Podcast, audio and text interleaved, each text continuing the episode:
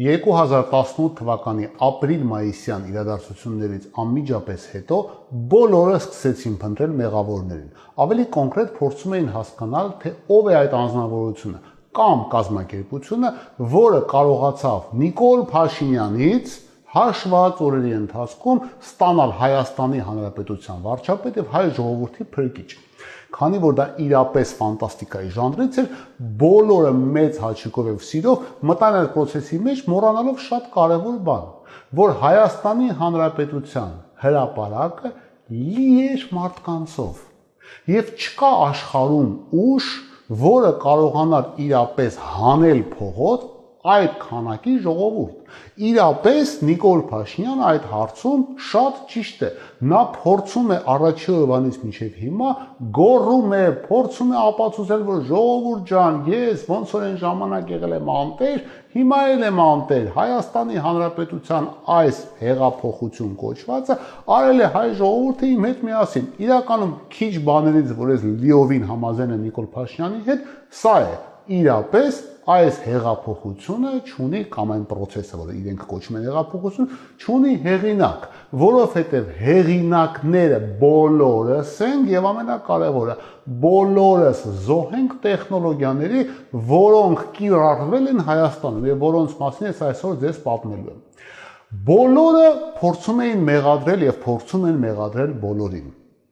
Սերժ Սարգսյանը եւ նախորդ իշխանությունները անընդմեջ փորձում էին փնտրել օտար երկրյա ինչ որ գործակալների կամ ինչ որ օտար երկրյա գերտերությունների շահ այս process-ների մեջ իրականում համ շահը կար, համ գործակալները կար, բայց իրականում դերը այդքան շատ չէր, որտեղ նրանք փորձում էին կոնկրետ հասկանալ, թե որ գերտերությունը կոնկրետ ում շարժեց, կոնկրետ ինչ նպատակով առաջի նախագահի կողմնակիցները վստահ էին առաջի փուլում գոնե թե որ այս ամենը կազմակերպել է Սերժ Սարգսյանը որպեսզի Նիկոլ Փաշինյանի միջոցով որ ըստ իրենց միշտ եղել է Սերժ Սարգսյանի ագենտը լուծի լուծել լուծեն Ղարաբաղի հարցը երկրորդ նախագահի կողմնակիցները մինչև այս վերջերս վստահ են եւ տարածում էին որ այս ամենը նույնպես արել է Սերժ Սարգսյանը որպեսզի Նիկոլ Փաշինյանին հետո գցի եւ իշխանությունը հանձնի ինձ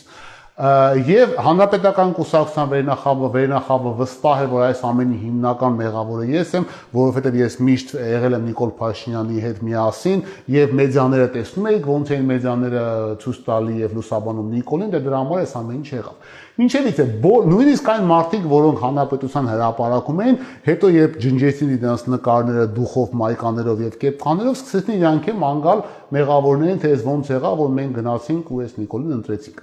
բոլորը փնտրում են մեղավորներ։ Իրականում առանց տեսնելու կարևոր երկու փաստ։ Կրկնում եմ, Հայաստանի Հանրապետությունում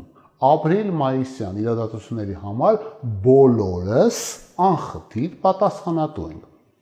ուղիղ պատասխանատվություն, անուղակի պատասխանատվություն։ Բոլոր այն մարդիկ, որոնք լսել են, տարածել են բամբասանքներ, բոլոր այն մարդիկ, որոնք ենթարկվում էին Լոս Անջելեսից կամ Ռոստովից Facebook-յա գրառումների ուրեմն ազդեցությանը, բոլորը, բոլորս անխտիր։ Առաջին նախագահ, երկրորդ նախագահ, երրորդ նախագահ, մենք ժուրնալիստները չկա այս պատմության մեջ ոչ մեղավոր, բայց ամենակարևոր մեղավորները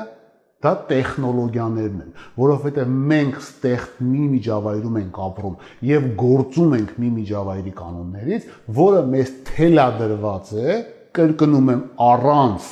որևէ մի պատասխանատվությունից խուսափելով, թելադրված են տեխնոլոգիաների միջոցով։ Գիտեք, որպեսզի ես ձեզ այսօր պատմեմ, թե ինչը նկատի ունեմ, ես ուզում եմ ձեզ պատմեմ միա տեխնոլոգիայի մասին, որը կոչվում է Heros Այդ տեխնոլոգիան գրեթե միշտ կիրառում է ազատություն ռադիոկայանը, որը միշտ ստեղծում է ժամանակավոր հերոսներ, որոնք պետք է ստվերեն process-ները կամ իրական հերոսներին կամ ամենակարևորը փոխեն մեր իրական արժեքները։ Որպես դուք հասկանաք ինչի մասն եմ ես խոսում, ես ես հիշեցնեմ վերջի հերոսի մասին, որը նույնպես, եթե հիշում եք, ստեղծեց ռադիո ազատություն ռադիոկայանը, դա բոլորի բոլորի կողմից հայտնի Արտյուշ Պապին էր։ Արտյուշ Պապին ստեղծվեց հայերի համար շատ կարևոր օրվա ավարտին։ Ապրիլ 24 2020 թվական, երբ մենք պետքա որ բոլորս միավորված հիշեինք խորուրդը ցեղասպանության զոհերի իշտակի, բայց բոլորովս ընկանք ազատության ռադիոկայանի թակարդը եւ սկսեցինք զբաղվել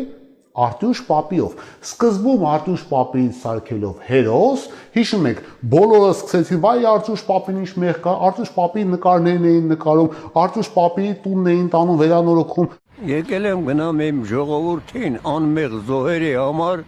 խոնարհվեմ ու ցաղի կդնեմ գանամ տուն։ Մեկ էլ ժամը 1-ն է, դուրս ծեծում են։ Ծեծելը ո՞րն է, ջարդում են, այն կարգի, ես ասում եմ զանգում եմ ոստիկանություն, ասում է ոստիկանությունն է։ Բա վարչապետի հրամանով պետք է պիտի մենք պապիկին տանենք։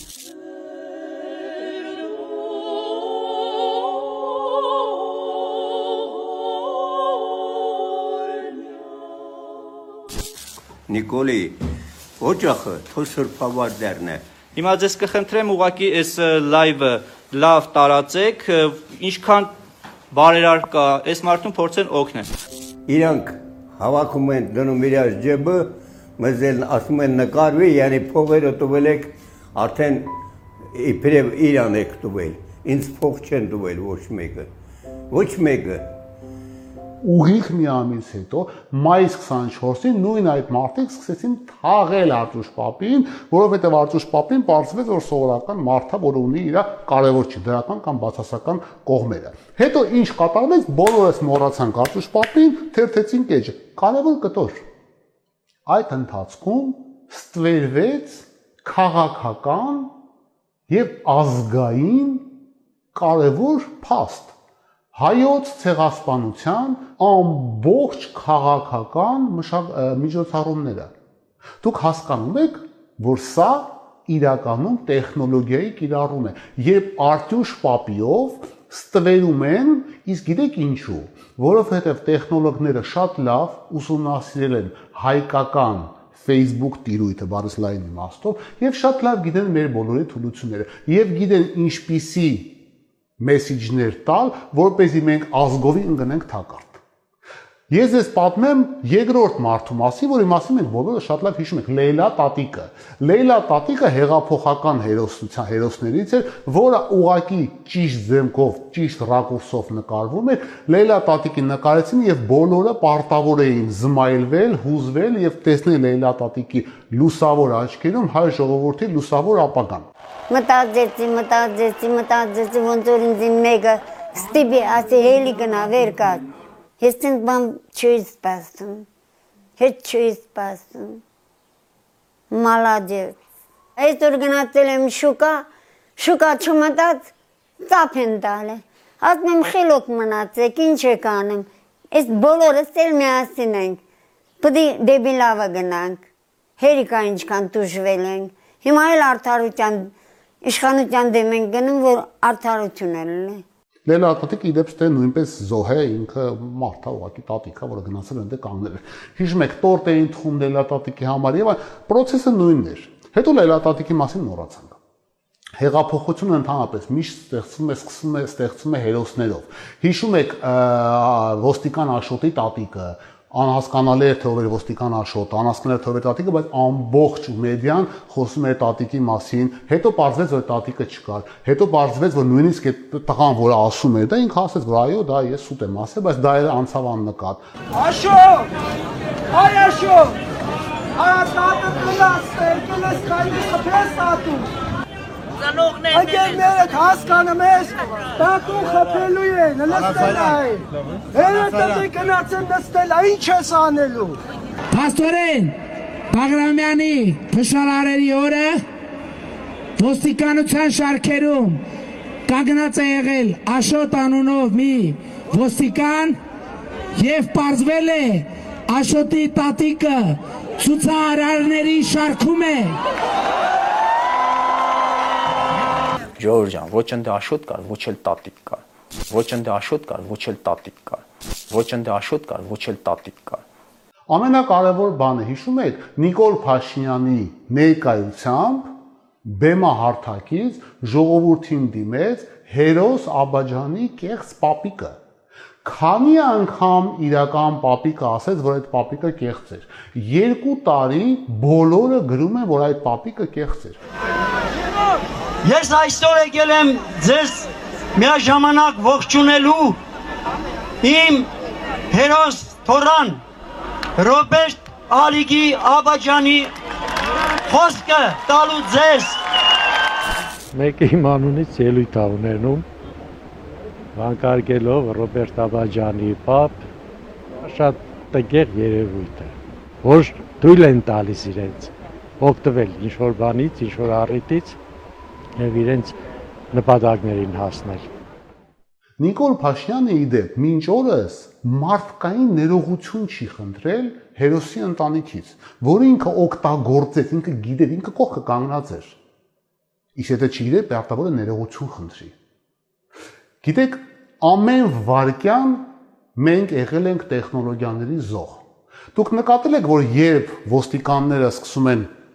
ինչ որ մի այն սկսում էին այն ժամանակ վատ հայ ոստիկանները, որտեղ հիմիկա ոստիկանները շատ լավն են։ Այն ժամանակվա վատ ոստիկանները, որ սկսում էին ցրել ոչ այդքան դաստիարակված եւ ագրեսիվ զանգվածը միշտ հայտնվում է երիտասարդ զույգ, որը ինչ էր անում, շատ կարևոր բան, որը միշտ պետք է անել, երբ որ ոստիկանները սկսում են ծեծել, համբուրվել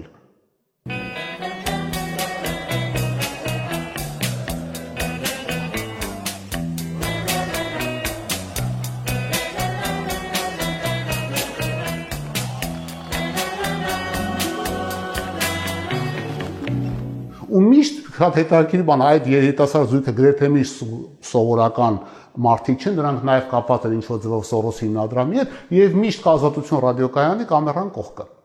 Ժողովուրդ ջան, ձեր սերը դեպի Նիկոլ Փաշինյանային ժամ, Փաշինյան այն ժամանակ, ինչպես նաև ձեր ատելությունը դեպի նախկին իշխանությունները սենց տեխնոլոգիաների արդյունք են, հավատացեք։ Ես ձեզ հիմա կպատմեմ մի հատ կարևոր պատմություն հերոսների մասին, որպեսզի դուք հասկանաք հերթականության մեջ, թե ինչքան է իրականում պրիմիտիվ այդ տեխնոլոգիան եւ ինչքան է ամեն անգամ դա շատ էֆեկտիվ։ Եկեք պատմենք շների մասին։ Անսպասելի է, ես գիտեմ։ Ուրեմն առաջի անգամ ազատություն ռադիոկայանը, թե չեմ սխալվում, կիրառեց շուն հերոսի տեխնոլոգիան ՊՊՑ գնդի գրավման ժամանակ, երբ հայտնաբերեցինք բոլորս, որ ցուցարարներին միացել է շատ լավ շունիկ սպիտակ անունով եւ այդ շունիկը շուտով սպանվելու է եւ սպանվելու վտանգի մեջ է, վտանգի տակ է, որովհետեւ չար ոստիկանները գալու են եւ վնաս տան սպիտակ շունիկին, որովհետեւ նա ճիշտ մարդկանց կողմն է անցել եւ դրա համար կան քաչ երիտասարդներ, որոնք փրկելու են սպիտակ շունիկին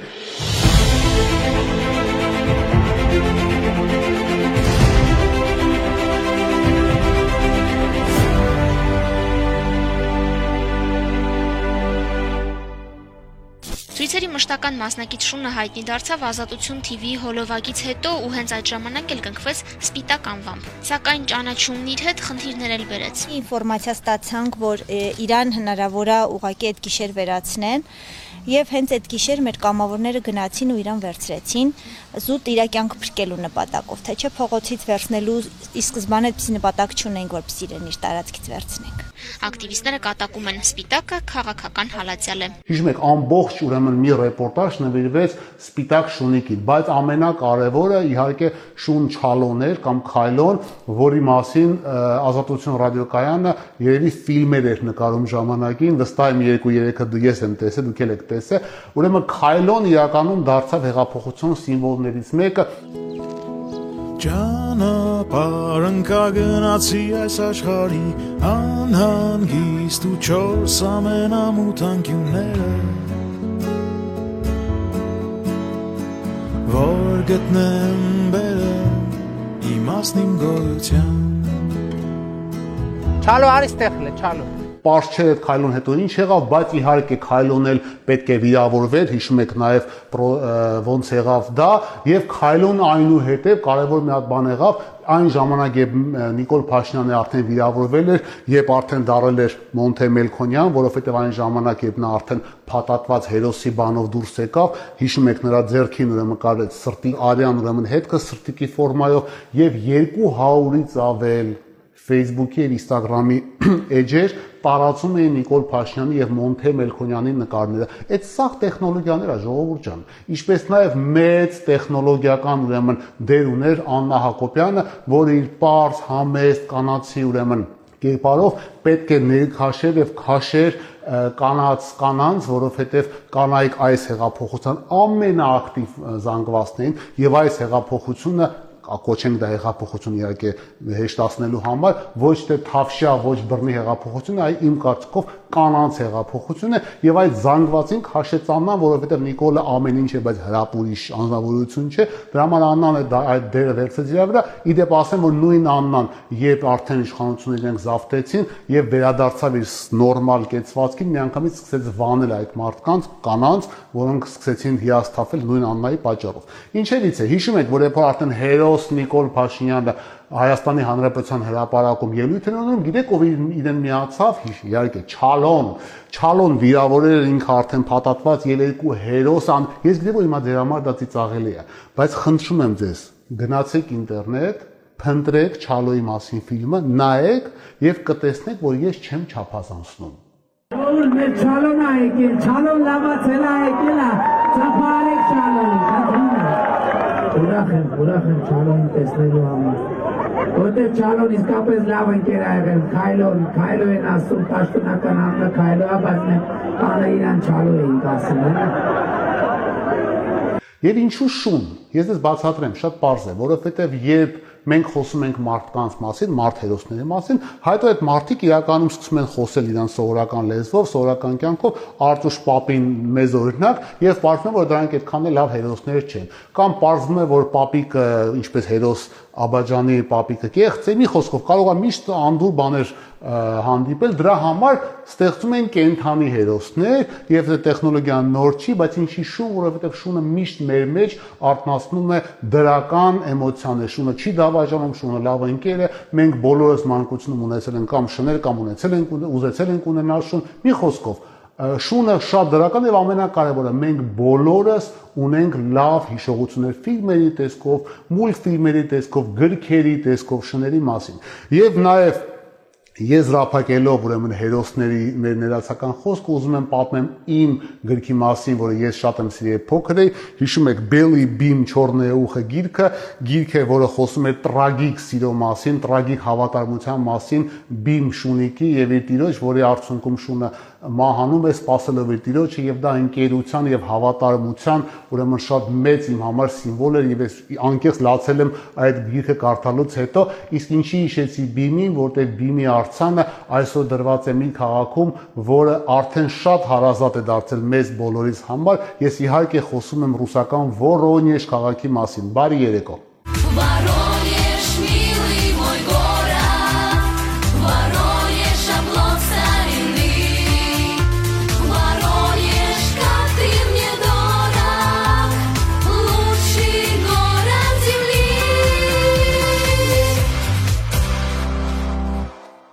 Այսօր ես ձեզ պատմելու եմ վերջապես, թե ինչու եմ ես ընտրել մեր հանդիպումների համար խոհանոցը։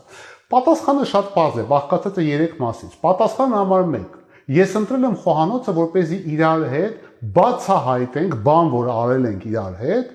էլիտաների իշխանության ներքին խոհանոցը, թե ոնց եւ ովքեր են էփում այդ ճաշը ոնց են փող աշխատում, ոնց են կիսե իրանց մեծ իշխանությունը։ Մենք իրար հետ անցել ենք այդ ամբողջ ճանապարհը բացահայտելով իրենց իրական դեմքը։ Երկրորդ պատճառը, որովհետև խոհանոցը մի վայր է, որը ամենամոտիկն է իրականությանը։ Երբ դու մտնում ես խոհանոց, ճակերտավոր անջատում ես լայվը, որովհետև բացելով քո սառնարանը, դու տեսնում ես քո սառնարանում արդյոք ավելացել են ինչ որ ձե քո քո սիրած բաները թե պակասել են ինչքան ես դու դրանց համար վճար ավելի շատ թե ավելի քիչ մոտիկանում ես քո օջախին եւ հասկանում ես որ գազը ավելի թանկ է ավելի էժան է կա գազ թե ոչ ջուրը ավելի թանկ է թե ավելի էժան է խոհանոցը իրականություն է Եվ երրորդ ամենակարևորը, որ ես այսօր ձեզ համար էփելու եմ հեղափոխական բորշ։ Եվ դուք իրար հետ, մենք իրար հետ կհասկանանք, թե ովքեր եւ ինչ ձևով էփեցին այդ ճաշը, որը կանգնել է ժողովրդի կոկորտին, թունավորելով ժողովրդի ներկան եւ ապագան։ Եվ այսպես, մենք ունենք կացա, որ այսօր կոչվում ենք թավշյա ոչ բռնի սիրո կացա, եւ այդ կացայի տակը, ինչպես տեսնում եք, թավիշը, շատերի համար թավիշը քիչ է, ավելի շատերի համար թավիշը շատ է, ինչևից է թավ թավշա կացայա հեղափոխության։ Մենք դնում լցնում ենք իր մեջ առաջի բանը, որը կարևորն է խորհրդանշում է Հայաստանը, հայկական ջուրը, ինչպես նաև տեսնում եք ջերմուկից կարելի է վերցնել մի քիչ գումար ռեկլամի համար, ուրեմն ջրի մեջ դնում ենք ամենակարևոր բանը բաղադրամասը, դա տեխնոլոգիաներն են, որպեսզի ջուրը սկսի եռալ, Հայաստանը սկսի եռալ, տեխնոլոգիաները եկեք ուրեմն խորհրդանշում են մեր երկու CD-ROM-երը, դնում ենք տեխնոլոգիաներ, իրանք արդեն եռում են, իդեպ է տեխնոլոգիաները վերջի 10 տարում ավելի էլ ավելի ավելաց շատացել են, 2018 թվականի մարտից իրանք հասել են անհավանական բարձունքի։ Ուրեմն տեխնոլոգիաներով Հայաստանը սկսում է եռալ, ինչ է մեր մեզ պակասում, ամենակարևոր բանը, որ մեզ պակասում է, ուրեմն հիմնադրամի, հայտնի հիմնադրամի, մի անգամից ասեմ, Սորոսի հիմնադրամի աշխարհի, ուրեմն անznավորությունները ես վերցրել եմ երկու տիկնիկ, ուրեմն կին տիկնիկը, որը խորհրդանշում է այն բոլոր կանանց հիմնադրամի, որոնք տղամարդ կան կանայք են, իրանց եմ դնում որ լավ երաջուր է, որտեղ իրանք էին պատասխանատու, եւ հիմնադրամի տղամարդ, ուրեմն կանանց ղզիկ տղամարդկանց, իրանք էլ են շատ այդ բաները, իրանք տենց երացնում են ջուրը, ջուրը երում է, հետո կարևոր մի հատ բան եմ դնում, մի անգամից ասեմ, դա LGBT համայնքն է, ամենայն հարգանքով LGBT համայնքը, որովհետև հեղափոխության շարժիչ ուժի իրանք են հիշում եք, իրանք իրանց խորհրդանշումը բանանը, չէ, սա երևի ավելի ճիշտ է, այս բանանն են դնում, իրանք սկսում են ուրեմն երրացնել հեղափոխությունը, հետո կարևոր մի հատ երբ որ հեղափոխությունը սկսեց երրալ, այդտեղ մտավ արևմուտքը։ Արևմուտքը ուղիղ եւ անուղակի ձևով ես ես խոսք եմ տալի մի օր ամբողջությամբ կպատմեմ արևմուտքը մտավ եւ սկսեց դա էլ ավելի երրացնել արևմուտքը եկեք խորհրդանշեն կոկա-կոլան հիշում եք աշխարհը արևմուտքը ճանաչում է կոկա-կոլայով Ուրեմն արևմուտքը մտնում է հեղափոխական ուրեմն կացայի մեջ, սկսում է երալ, մի անգամից ովքեր են գալի ռուսները, ռուսները ասում են մի րոպե, էս ինչ բորշ է կեփում առանց մեզ, իրանք էլ են մի անգամից գալի, ռուսները խորհրդանշում են օղիով, ուրեմն ռուսները միանում են այս բանին, խնջույքին, բոլորը խառնում են իրար, չեն հասկանում, այդտեղ ովքեր են արթնանում նախկին իշխանությունները, որոնք ասում են մի րոպե, էս ինչ է կատարում, հեղափոխությունն է, նախկին իշխանություններին առաջարկում են մենք գնանք ուրեմն այս բանով, կարտոլով, կարտոնին դնում ենք մեջը ու մեր ճաշը արդեն լավ վիճակի է սկսում այրվել, իրականում շատ հետաքրքիր հեղափոխական վիճակը, ավելանում են կրակի վրա յուղ լցնողները, որ միանգամից գմփա մեր ուրեմն գլենդելահայությունը առաջի հերթին իրանց ուրեմն յուղ ենք խորհրդանիշի յուղն է, յուղը ավելացավ, ուրեմն բոլորը սկսեցին անպատասխանատու ուրեմն ստատուսներ գրել մեր հայրենիքը վտանգի մեջ է, մենք պետք է հայտնվենք այնտեղ պետք է գնանք, որ ներդրումներ անենք, հիշում եք այդ բաները, process-ը շատ քիչ, բայց դեռ մնացել է, հետո ինչ հա տեղի ունենում, կարևոր մի հատ բան, մեր ինտելիգենցիան ընդ որում կեսը մոդայից ելնելով, կեսը որովհետև նեղացած էր նախկին իշխանություններից, կեսը որովհետև մտածում էր, որ հեսա մի հատ բան կգրի լայքեր ու կշատանան, ինչ որ կարևոր ինչ որ բանով ես իրանց ընդհանուր նայում եմ որպես քյալամ, քյալամն է գնաց երրում է հեղափոխությունը, երրում է հեղափոխության կացաները, այդտեղ կարևոր մի հատ կտոր կա, արտնանում են երբ որ արդեն տեսնում է որ ինչ որ համը դուսա գալ արևմուտքը կարևելքը կա սորոսները կան բոլորը խառնվել են իրար ովքեր հարևան երկրների շատ կարևոր կտորա հարևան երկրների գործակալները եւ ընդհանրապես գործակալական ցանցը։ Եկեք իրանց խորհրդանշենք սև պղպեղով, որտեղ իրանք կան առանց իր անհնարին է, առանց իրանց անհնարինը սև պղպեղն ավելանում, այդտեղ ինչա տեղի ունենում հեղափոխության մեջ նախկին իշխանությունները, նախկին քաղաքական էլիտաները, որոնք սկսում են հեղափոխության հետ տարբեր ձևերի կոնտակտների մեջ մտնել, ովքեր են նրանք, նրանք ով նրանք են, որոնք մի օրում դարձան հնից դարձան նոր եւ այսօր դեռ կամ մի մասը դեռ մյուս մասը կա դեռ մի խոսքով այսօրվա իշխանությունների մեկ մաս են կազմում եկեք իրանց դնենք իշխանության աղը ուրեմն ավելացնում ենք իշխանության աղը դա նախկին էլիտաներն են որը դարձել են նոր էլիտաներ ովքեր են մնում այստեղ ամենակարևոր կտորնագալի գալիս է ուրեմն բիզնեսը որը սկսում է ողջունել նոր ուրեմն հեղափոխական իշխանություններին, բիզնեսմեններին, որոնք սկսում են մուծվել, խորհրդանշում եմ ծխախոտով, երկու հատ ծխախոտ գցում ենք մեջը, այդտեղ արդեն հանգիստ կարանք ավելացնենք աղանդավոր մեր հայրենակիցներին, նրանք, որոնք կազմակերպված մի կոճակի սեղմելով սկսեցին փակել փողոցները եւ այլն այլն, եւ քանի որ նրանք մեր ժողովրդի մաս են մի քիչ ուրիշ ձևի, իրանց ես խորհրդանշում եմ որպես սև բրինձ։ Սև բրինձ ավելացնում եմ, ուրեմն աղանդավորներն են մտան, փաստորեն մենք ստե ունենք բոլորին, հիմնադրամներին, գործակալներին, նախկիններին, ներկաներին, բոլորին, ով է պակասում, այո, ժողովուրդը։ Ժողովուրդը, որը հասկացնելով ինչ որ բան է կատարվում։ Եթե հիշում եք, եթե հիշացնում եմ ձեզ, ժողովուրդը այս խրախճանքին միացավ ամենավերջինը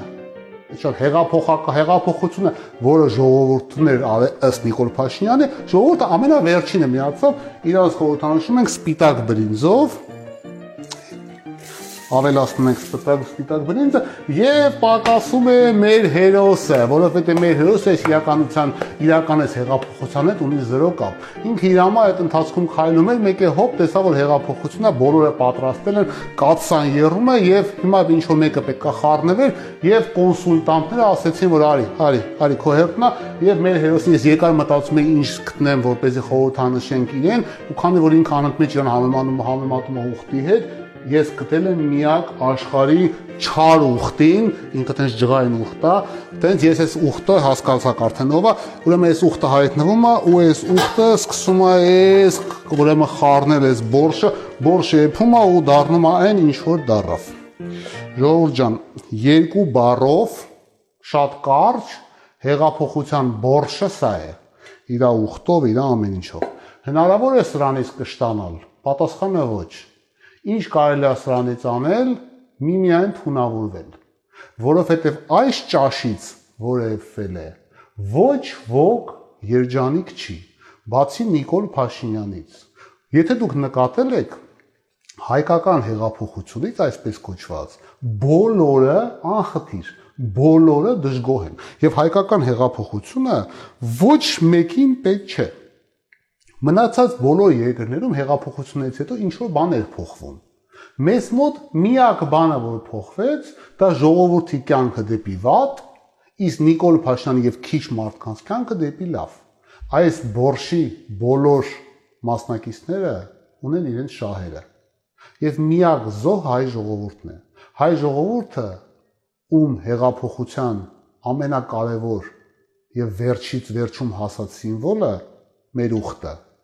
ամենաշատն է խափել, որովհետև ինքը եղել է այդ տեխնոլոգիաների հիմքում, երբ սկսեցին սրսկել հայ ժողովրդի մեջ ատելություն եւ սուտ։ Չի եղել բան, որ Նիկոլ Փաշինյանը ասի ու պահի։ Անընդմեջ ստել է։ Կարևոր չի ինչի մասին։ Արագաչափերը, որ ինքը ինքնամոռաց փագում էր, հայտարարելով, որ սա շիկինն է։ Սա շիկինն է, հանի, Եթե սա շիկինը չի, ասա։ Գազը հայտարարվեց, որ գազի գինը պետք է էժանանա, որովհետև գազը գողանում են։ Արդյունքում գազի գինը թանկանում է։ Ինչն է ճիշտ ասել։ Լուսը, ասեց, որ լուսը էլեկտրոէներգիան էժանանալու է 30%։ Ինչ է։ Ասեց, որ կոպեկ, յուրաքանչյուր հարցին ասում է կոպեկ առ կոպեկ վերադարձնելու եմ ամբողջ իր երկու տարվա իշխանության մեջ վերադարձվել է 105 միլիոն դոլար։ Օֆիցիալ թվերն եմ ասում։ Գիտեք ինչքան է ծախսվել։ Ավելի քան 105 միլիոն դոլար։ Գիտեք ինչքան է մսխվել։ Գիտեք ինչքան է չի եկել իրանց պատճառով։ Գիտեք ինչքան է կորցնվել։ Գժի տեղես մեզ դրել Ես չգիտեմ բացի Նիկոլ Փաշինյանից, իր ընտանիքի անդամներից եւ քիչ քանակի իրենց հարազատներից մարդիկ, որոնք դեռ համարում են, որ այս հեղափոխական ճաշը չի կանգնել հայ ժողովրդի կոկորտին։ Հիաստափված են բոլորը։ Հիաստափված են տաքսու վարորդները որոնք փողոց էին փակում եւ անում էին հեղափոխություն, որովհետեւ իրենց ներշնչվել էր, որ իրենք չեն տուգանվելու, արագաչափերը հանվելու են եւ եւ եւ եւ արդյունքում արագաչափերը ավելացան, տուգանքները ավելացան, իսկ մարդը, որը հայտարարում էր, որ հայ ժողովուրդը տուգանքի ապրանք չի, ստեղծել է մի խելագար վիճակ, որ մարդկանց տուգանում են դիմակ չկրելու համար այնը պարկաստում են գետնին։ Իսկ տաքսու վարորդը, որը պետքա չմուծեր լիցենզիայի համար, որը պետք է ավելի շատ գումար աշխատեր, համ ավելի քիչ գումար է աշխատում, համ ավելի շատ տուգանք է տալի։ Մի հատ էսա գազնա թանկանալու չի իմանալու ոնց տուն պահի։ Հիաստափած է ուսուցիչը, որը նոր իշխանությունների բարձր ովանու ներքո դարձավ կոռուպցիոն թիրախ որ այսպես կոչված սուպերնախարարը վերականում ասում է այս դպրոցը կոռուպցիայի մեջ թաղված է, հետո ոչ մի փաստ չի տալի, բայց դպրոցը մնում է կոռումպացված։ Հիաստափված են յուղացիները, որոնք մնացել են մենակ աշխարի հետ, սահմանները փակ են, բերքը քիչ է, այն պարատանյութները եւ դիզվառելիքը, որ ստանում էին պետությունից սուբսիդիա, փակվեց, որովհետեւ հայտարարվեց, որ կային չարաշահումներ,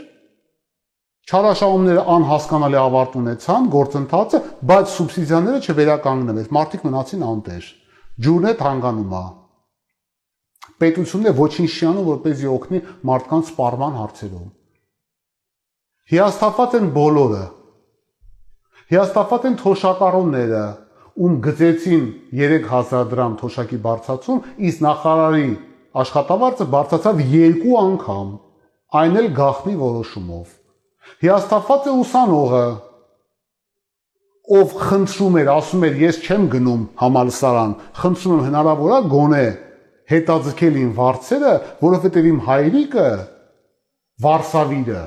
որը ըստ Նիկոլ Փաշինյանի գոյություն չունի, որովհետև հիշեցնում եմ, Նիկոլ Փաշինյանը ասեց, մեր մոտ ժամավարձով աշխատող չկա։ Այդ մարդը քանի որ չի աշխատում, չի կարող ինձ գումար տա, որպեսզի ես գումար տամ համալսարանին։ Ոչ Դուք պետքա չաշխատեք, բայց վճարեք։ Չսովորեք, բայց վճարեք։ Հիաստափված է գործարարը, ով սկզբից թիրախ էր, այնուհետև պետքա մուծվեր հիմնադրամին, իսկ երբ հասավ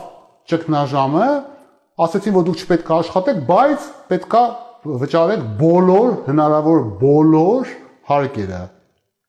Հիաստափված են մարդիկ, որոնք վարկերի տակ խնդրում աղաչում էին, ասում էին մեզ պետք չի օթից ինչ որ ծրագրեր, որոնք չենք հասկանում 6-րդ, 8-րդ, 9-րդը։ Ժամանակավոր դադարեցնենք վարկային արցակուրտակ, միջև տեսնենք ինչ արնում։ Բոլորն են հիասթափված։ Չկա չհիասթափված մարդ, որտեղ մարդիկ բացում են սառնարանը, բացում են աչքերը, երբ անջատում են լայվը եւ տեսնում են իրականություն որտեղ Հայաստանի Հանրապետության քաղաքացիները հպարտ չեն, որտեղ Հայաստանի Հանրապետության քաղաքացիները վատ են ապրում, ամեն օր ավելի վատ են ապրում։ Որտեղ Հայաստանի Հանրապետության քաղաքացիները հիվանդանում են, որովհետև կա հիվանդություն եւ չի օգնում դիմակները, չեն օգնում։ Որտեղ մեռնում են մարդիկ, բայց դուք դրանց մասին չեք խոսում։ Դուք կլոունի պես բաժանում եք դիմակ փողոցները, որտեղ դուք լայվերի եւ լայքերի համար եք ստեղծված։ բոլորը հիասթափված են։ Հայաստանում կար մի հատ միֆ, որը պայթեց։ Հայաստանում կար կարծիք, որ մեզ պետք է հեղափոխություն, որպեսզի մենք սկսենք լավ ապրել։ Հայաստանը ունեցավ իր հեղափոխությունը, իր խեղկատակ հեղափոխությունը։ Լավ ենք ապրում, ոչ։ Ավելի վատ ենք ապրում, այո։ Սկզբում մեզ ասում էին, որ մենք լավ ենք ապրելու։ Հետո մեզ ասում էին, որ մենք նույն ձևով ենք ապրում, բայց ավելի հպարտ ենք եւ մեր դեմքին կա ժպիտ։ Իսկ հիմա մեզ ասում են, որ այո, մենք վատ ենք ապրում, բայց եթե հանկարծ բողոքեք, ուրեմն դուք Ռոբերտ Խոչյանի կամ Սերժ Սարգսյանի հետևորդն եք։ Օ Եվ գոհեղեք, որ մենք ենք, թե չէ ինչ եք ուզում։ Ուզում եք սա հները գան։ Իսկ վաղը ինչ են ասելու։ Ես վստահ եմ, որ այս հեղափոխական կացան իր բոլոր մասնակիցներով շատ շուտ կհայտնվի պատմության աղբամանում եւ Հայաստանը ազատվելով հեղափոխական միֆից կսկսի ստեղծել բարեկեցիկ, լավ եւ անվտանգ կյանք, ուր մարդիկ ունենալու են ազատ արտահայտվելու իրավունք, ուր մարդիկ լինելու են պատասխանատու եւ ուր մարդիկ իրապես լինելու են հպարտ։ վերցնում ենք ջահել դալար դանդուր։ Հա? Դանդուր։ Հա։ Մաքրում ենք, աղ ենք անում, սամիտ, ռեհան, կացախ, մի քիչ սխտոր, բիբար, դրանք առաջները թողուտ են։ Աբրես թափուտ երվացյան սալատի պրիզնել մերներ, Հեղափոխության խոհանոցից գալիս է գարշահոտ։ Հեղափոխական բորշից գալիս է գարշահոտ եւ այդ ճաշը թունավոր է, որը կանգնել է ժողովրդի կոկորտին, թունավորելով ժողովրդի մարմինը եւ տանելով բարեսբուն իմաստով գերեզման։ Եվ այս հեղափոխությունը, այս process-ը, որը կանգնել է ժողովրդի կոկորտին, զրկում է մեզ մեր ապագայից։ Մենք պետք է հասկանանք եւ բոլորս իրար հետ դուրս շպրտենք այս ճաշը մեր խոհանոցից, մեր օջախներից, հետ տալով մեզ ամենակարևոր մեր իրավունքները՝ խոսքի ազատությունը, կարծիք ունենալու ազատությունը, մեր ապագան։ Ես ուզում եմ ձեզ ասեմ, որ այս հանդիպումը խոհանոցային մեր հանդիպումը վերջինն է։ Անշուշտ մենք շարունակենք մեր հանդիպումները, բայց արդեն ոչ խոհանոցից։ Ես ուզում եմ նաև ձեզ տեղյակ պահեմ, որ որոշել եմ մի փոքր դաթար վերցնել, որ เป զի տամ ձեզ ժամանակ մարսելու եւ մտածելու թե ովքեր էին, ովքեր են եւ ամենակարևոր ինչ ենք մենք ուզում։ Մեր հանդիպումները ամենակարևոր նպատակին հասել են։ Մենք իրար հետ ապա միֆականացրեցինք Նիկոլ Փաշինյանին Մենք հասկացանք, որ նա սովորական շատ դասական շանտաժիստ է, սովորական ժուլիկ է, པարս թալանչի եւ ուղակի խելագար, որը քանդում է, ստում է եւ մանիպուլացնում է։ Ես ուզում եմ ձեզ նաեւ ասեմ, որ այս հեղափոխական խոհանոցը իրապես շատ կեղտոտ է։ Այսօրվա մեր իշխանության մեջ կան բազմաթիվ օտար երկրների գործակալներ։ Այսօրվա վերնախավում կան մեր նախկին ԱԱՑ-ի գործակալներ, որոնց մասին շատ լավ տեղյակ է Նիկոլ Փաշինյանը։ Եվ ով օգտագործելով իր ընկերների դոսիեները շահագործում է նրանց ծառայացնելով իր նպատակներին։ Բա ինչ եք մտածում։ Ինչու են մարդիկ անհասկանալի պատճառներով իրենց արժանապատվության, նախկինում ունեցած կապերի, ընկերությունների, անցյալի, ապագայի հաշվին ծառայում խելագարի որտեվ այդ անznավորությունը եւ դարձավ վարչապետ, ունեցավ հնարավորություն ծանոթանալու թե ովքեր էին ԱԱԾ-ի գործակալները, որոնք տարբեր պատճառներով նաև պատմում էին իշխանություններին, այն ժամանակվա իշխանություններին, թե ինչ մութ կապերի մեջ է Նիկոլ Փաշինյանը, թե ինչ անում Նիկոլ Փաշինյանը։ Գաղտնիքները իրականում շատ են։ Բայց ես ուզում եմ ձեզ վստահեցնել, որ արդեն ինչ որ պետք է, մենք գիտենք։ Մենք գիտենք, թե ում հետ գործ ունենք։ Եվ ավել բան այս այս փուլում ուղղակի խանգարի մեզ, որովհետև մեզ պետք է բոլորիս պետք է ժամանակ կրկնում եմ հասկանալու, թե ինչ ենք ուզում Ես միշտ հարցին, երբ ինձ ասում են, լավ, մենք արդեն ընդունում ենք, որ Նիկոլ Փաշինյանը վատն է, բա ինչ անենք։ Ես միշտ պատասխանում եմ, իսկ մենք ինչ ենք ուզում։ Որովհետև ամենամեծ միֆը, որը մեզ մեր մեջ մցրել են տարիների ընթացքում, որ հայ ժողովուրդը իր ճակատագրի հեղինակը չէ, ոչ։ Հայ ժողովուրդը միշտ ինչ ուզել է, ունեցել է։ Հայ ժողովուրդը երբ ուզեց ունենալ անկախ պետություն, պայքարեց եւ ունեցավ։ Հայ ժողովուրդը երբ ուզեց ունենալ անկախ հայկական Արցախ,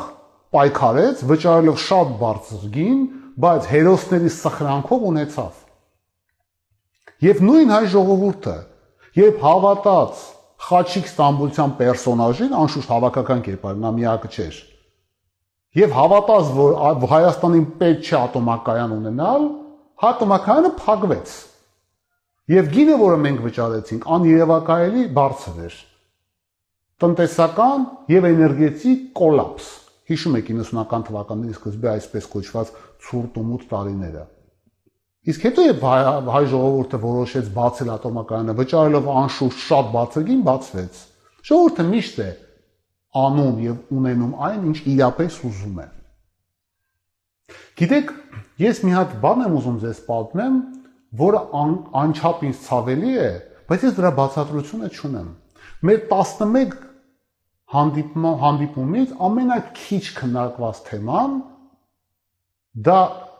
2000 հեկտարի վերահսկողության փոփոխությունն է։ Եվ ես ձեզ պատմեցի փաստերով եւ քարտեզով, որ հայկական զորքերի վերահսկողության տակից անցել է թշնամու զինված ուժերի վերահսկողության տակ 2000 հեկտար հող եւ վտանգի տակ է Հայաստանի ռազմավարական ճանապարհը Երևանից գոր Երևանից գորիս եւ կրակի տակ են հնարավոր կրակի տակ են եւ ներ ֆիզիկապես կրակի տակ են Արենի գյուղը եւ այլն եւ այլն Փաստորեն Վորոնեժի ծխախոտի պատմությունը ավելի հետաքրքիր է մեր հասարակությանը, քան թշնամու հետ գործարքը։ Ժողովուրդ, մենք իրապես պետք է հասկանանք մենք ինչ ենք ուզում։ Մենք ուզում ենք ղեկավար, որը մեզ անընդմեջ ստում է եւ խափում է։ Մենք ուզում ենք ղեկավար, ում երբ հարցնում են, բա ինչի է գազը թանկ, ինքը պատասխանում է, որովհետեւ մենք պետք է լինենք ինքնիշխան Երբ ասում են, բա ինչի է հիվանդությունը աղետալի վիճակում, ինքը ասում է Ռոբերտ Քոչարյանը մարտի 1-ի գործով։ Երբ ասում են ժողովուրդը վատ է ապրում, ինքը ասում է կոպեկ առ կոպեկ հետ ենք բերելու։ Ոչ հետ է բերում։ Ոչ այդ կոպեկ առ կոպեկն է հստակ։ Մենք ինչ ենք ուզում։ Որպեսզի մենք հասկանանք ինչ անել, պետք է հասկանալ ինչ ենք ուզում։ Իսկ այս մարդը բացարձակ չգիտի ինքը ինչ ա ուզում։ Եվ ինքը անընդմեջ խափում է, եւ ես մի բան եմ ուզում անկեղծ ասեմ։ Մենք ոչ միայն պետք է անջատենք այս մարդուն, ուղղակի անջատենք, որտեղ իր աղմուկը խանգարում է։ Մենք նաև պետք է մեզ հասկանանք, մենք ինչ ենք ուզում այս process-ի ավարտին։ Եթե մենք շարունակելու ենք լսել Գլենդելից մեր հայրենակից ինչ որ մի կնոջ հավաքական կերպար, որը լայվ է մտնում երեկոները, երբ իր նորմալ լավ կյանքում ամեն ինչ արդեն կա, եւ մի հատ է սկսում է հաթաթա տալ, խոսալ Հայաստանի ժողովրդավարության մասին, բացատրել թե որ թաղապետն է լավը, ասել թե որ քաղաքապետը պետք է անդրի Երևանցին։ Ժողովուրդ ջան, դուք Գլենդելի քաղաքապետին ճանաչում եք, դուք լայվ մտնում եք, որպեսզի ասեք, թե ինչպեսին պետք է լինի Լոս Անջելեսի առողջապահական համակարգը։ Մենք ինչ ենք ուզում։ Մենք ուզում ենք, որ Ռոստովից խանութ աշխատացնողը, երբ երեկոյան գնում է տուն, մի հատ է մտնի Facebook գրի, թե ինչպիսին պետք է լինի Հայաստանի արտաքին քաղաքականությունը, եւ մենք պետք է մաս կազմենք այս կոնվենցիային, թե ոչ։ Թե մենք ուզում ենք Բրյուսելի մեր հայրենակիցը մեզ ասի, թե մենք պետք է Ռուսի հետ լավ լինենք, թե վատ։ Ես անկեղծ ուզում եմ հասկանամ, թե մենք ինչ ենք ուզում, մենք երբ ենք հասկանալու,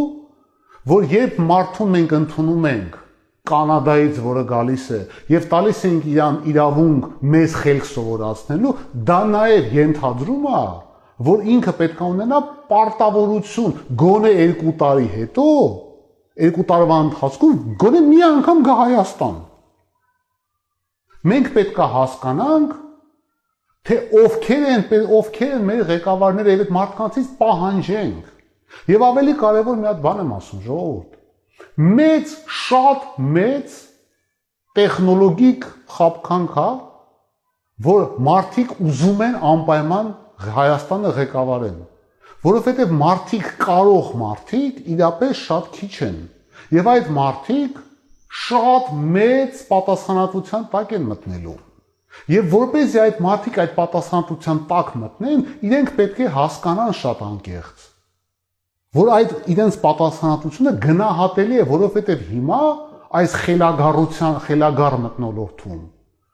Երբ բոլորը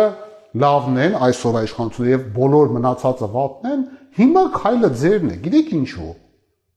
Որովհետեւ ես ձեզ ժողովուրդ ջան հորդորում եմ իրականության հետ առնչվել։ Եվ երբ տեսնում եք առողջապահության նախարարին փողոցում սրճարանում նստած աշխատանքային ժամին, երբ Հայաստանի Հանրապետությունում քաոս է առողջապահական եւ աղետ եւ մարդիկ են մահանում, մոտիկացեք ու թքեք երեսին, որովհետեւ իր պատճառով են մարդիկ մահանում։ Եվ մինչև դու չթքեք Արսեն Թորոսյանի երեսին, Հայաստանը կյանքում չի ունենալու լավ առողջապահական համակարգ։ Կյանքում, որովհետև բոլորը հասկացել են, որ կարելի է հայ ժողովրդին խափել լայվով ու լայքով։ Եվ երբ տեսնում եք կառավարության հարգարժան անդամներին, որոնք թիկնապաներով դիմակ են բաժանում, թքեք իրանց երեսին, բառացիորեն թքեք երեսներին։ Եվ եթե դուք դա չանեք, ուրեմն մենք միշտ ունենալու ենք կառավարության հարգարժան անդամներ, որոնք ձեզ մեզ խափելու են, ժողովրդին խափելու են ու փող են աշխատելու, լայք են հավաքելու ու լայվ են անելու։ Եվ երբ որ տեսնում եք Նիկոլ Փաշինյանին փողոցում, թքեք իր երեսին։ Թքեք, որտեղ ինքը ձեզ խափել է։ Ինքը ինչ չի խափել։ Ինքը մեր ժողովրդին է խափել թեքեք իր երեսին, որ เป զի մարդիկ հասկանան, որ չի կարելի խափել հայ ժողովրդին։ Թեքեք բոլոր այն մարդկանց երեսին, որոնք հայ ժողովրդի հաշվին կայանում են։ Թեքեք այն մարդկանց երեսին, որոնք գործակալ են։ Թեքեք այն մարդկանց երեսին, որոնք օգտագործում են մեր հույզերը, ժողովրդի հույզերը եւ խափում են, մանիպուլացնում են։ Եթե հայ ժողովուրդը չթքի թշնամու դավաճանի խափեպայի երեսին, ուրեմն մեր երեսին թքելու է ճակատագիրը։ Եվ մենք անընդմեջ փնտրելու ենք պատմական արդարությունը եւ անընդմեջ սпасելու ենք լավ դյաձաներին աշխարից, որոնք գան ու ասեն, որ այս լավ է կանում, այս վատ է կանում, այդ ընթացքում կորցնելով ամեն ինչ, մարդկային կյանքեր, տնտեսություն եւ ամենակարևորը՝ պետություն, թքեք դրանց երեսին, որ เป զի մարդիկ հասկանան, որ մենք մի ազգ ենք, մի ժողովուրդ ենք, որը ունի արժանապատվություն։ Ես ուզում եմ ըստ մեր ավանդույթի ձեզ նվիրեմ գեղեցիկ մի երաշտական գործ։ Կոչվում է մեդիտասիոն, մեդիտացիա։ Տայիս օպերայից է Եվ ես հույս ունեմ, որ այս աշխատանքը լսելով մենք կխորհենք, հասկանալով, մտածելով, թե ինչ ենք մենք ուզում, ինչ ենք մենք ուզում ունենալ, ինչպիսի երկիր ենք ուզում ունենալ։ Շուտով կհանդիպենք, լավ է։